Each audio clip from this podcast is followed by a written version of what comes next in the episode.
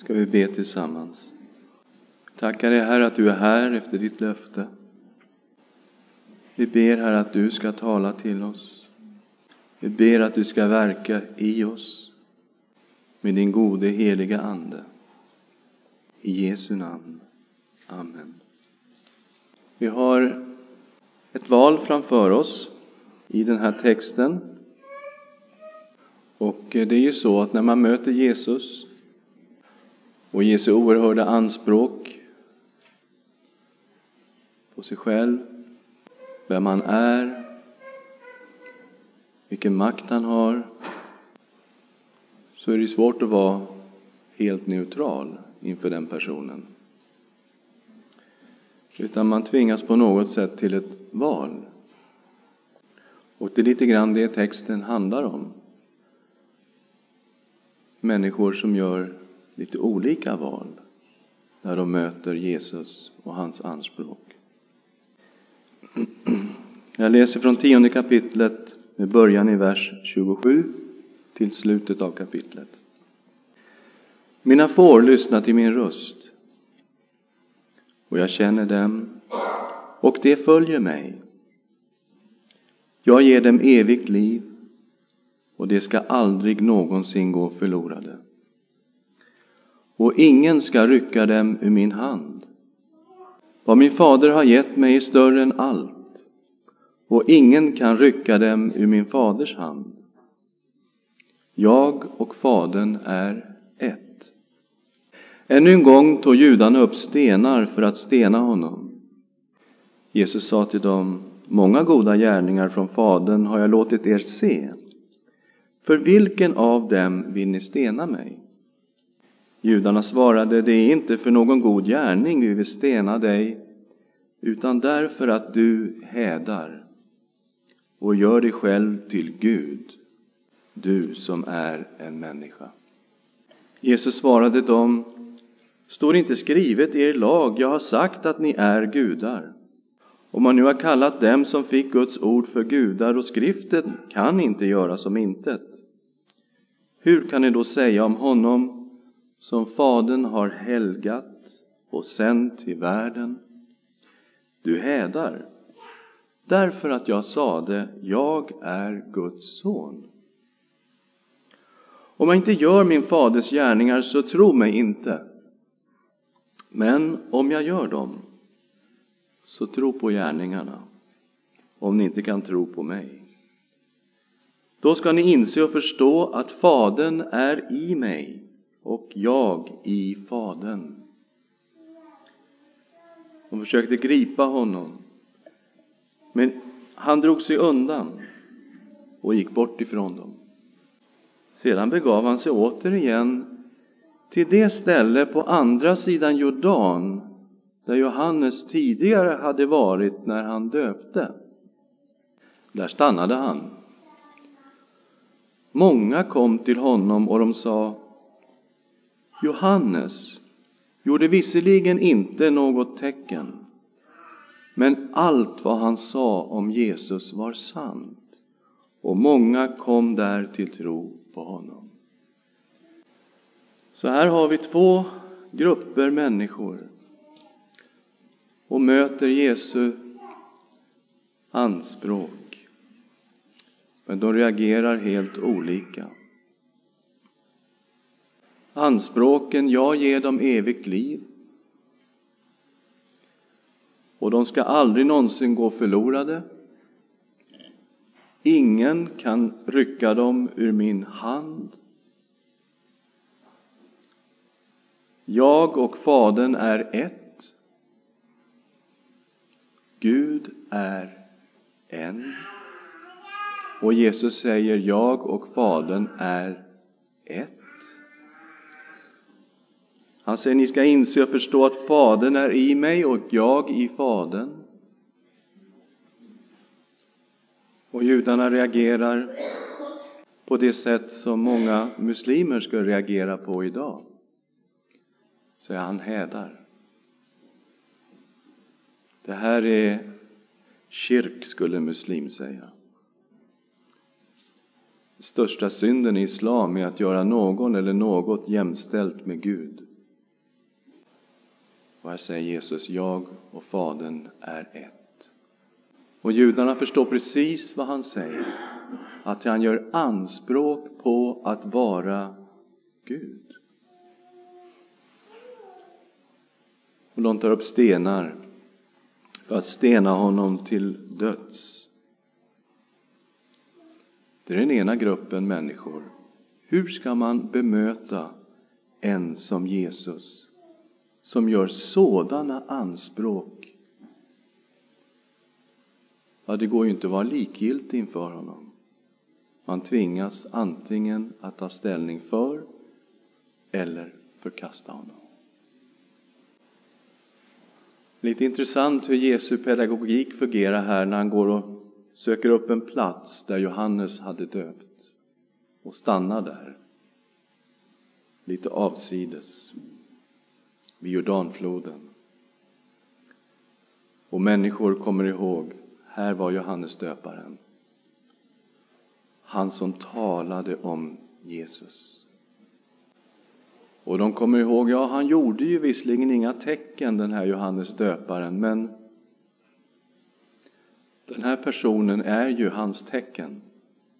Därför att allt vad Johannes sa om Jesus är sant.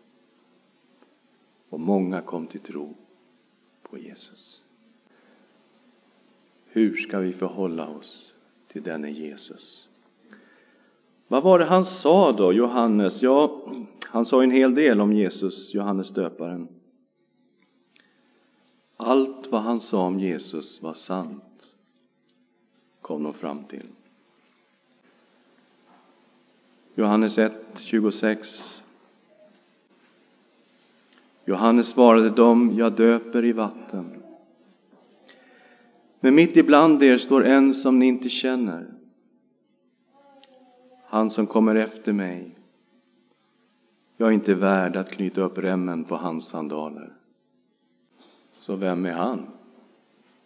Om Herrens profet inte är värdig att knyta upp sandalremmarna på hans fötter.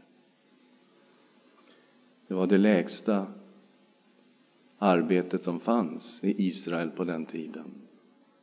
Att knyta upp sandalremmarna på gästen som kom och tvätta hans fötter. Det var tjänaren som fick göra det. Och Herrens profet säger Nej, ni känner honom inte. Han finns här mitt ibland er. Och jag ska säga det, jag är inte ens värdig att lossa hans sandalremmar. Så vem är han? Visste Johannes vem han var? Och de frågade Johannes, vem är du? Och då svarade han med ett citat från profeten Jesaja. 1 och 23. Han svarade med profeten Jesajas ord. Jag är rösten som ropar i öknen. Gör vägen rak för Herren. Jo då, han visste vem Jesus var. Han visste att det här är inte bara en människa. Han visste att det var Herren själv som skulle komma på besök.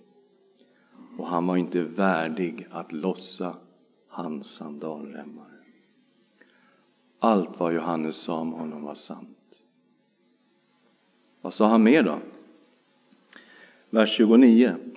Nästa dag såg han Jesus komma och han sa Se Guds lam som tar bort världens synd. Jesus kom inte från människor. Han kom från Gud. Han var Guds lam som kom till världen för att offras för våra synder. Se Guds lam som tar bort världens synd. Vad sa han mer om Jesus? Vers 30. Det var om honom jag sade, efter mig kommer en man som är före mig, ty han var före mig. Efter mig, den som kommer efter mig, det är Jesus. kommer en som är före mig. Han är mycket större än vad jag är. Vet ni varför? För han var före mig. Ja, men Johannes döparen var ju äldre än Jesus. Hur kunde Jesus vara före honom? Och därför att Jesus är inte som en vanlig människa. Gud har uppenbarat sig i honom. Han fanns innan han föddes som människa. Han var före mig. Vi har det också i 1 och 15. Johannes vittnar om honom och ropar. Det var om honom jag sade. Han som kommer efter mig är före mig eftersom han var före mig. Allt vad Johannes sa om Jesus var sant. Vad sa han mer då? Vers 32. Johannes vittnade och sade Jag såg anden komma ner som en duva från himlen och bli kvar över honom. Och jag kände honom inte, men han som sände mig att döpa i vatten sa till mig Den som du ser anden komma ner och bli kvar över, han är den som döper i den helige Ande. Och jag har sett det och har vittnat att han är Guds son. Jesus gick där till en plats vid Jordanfloden där Johannes hade döpt. Och det står bara han stannade där. Och många gick dit och de kom på, tänkte på vad Johannes hade sagt om Jesus. Och de sa Johannes, han gjorde visserligen inte något tecken, men allt vad han sa om Jesus var sant och många kom där till tro på honom. Vad ska vi göra med Jesus? Vi har i texten två grupper människor. Hur ska man hantera hans oerhörda anspråk? Man måste göra ett val.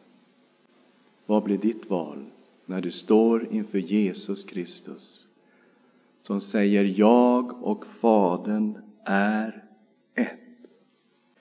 Då ska ni förstå att Fadern är i mig och jag är i Fadern. Jag är Guds son. Jag ger dem evigt liv och det ska aldrig någonsin gå förlorade och ingen ska rycka dem ur min hand. Hur ska vi reagera? Jag vet hur jag reagerar.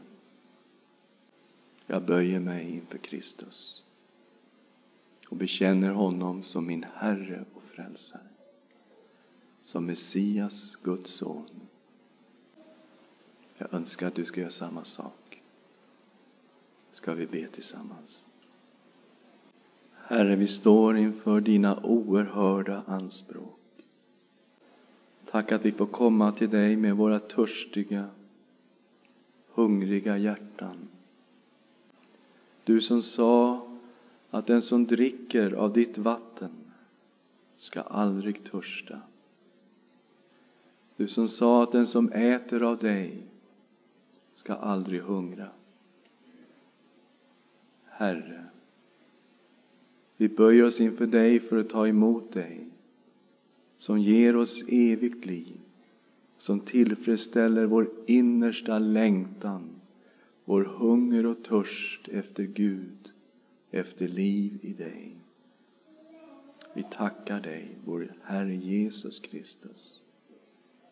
Amen.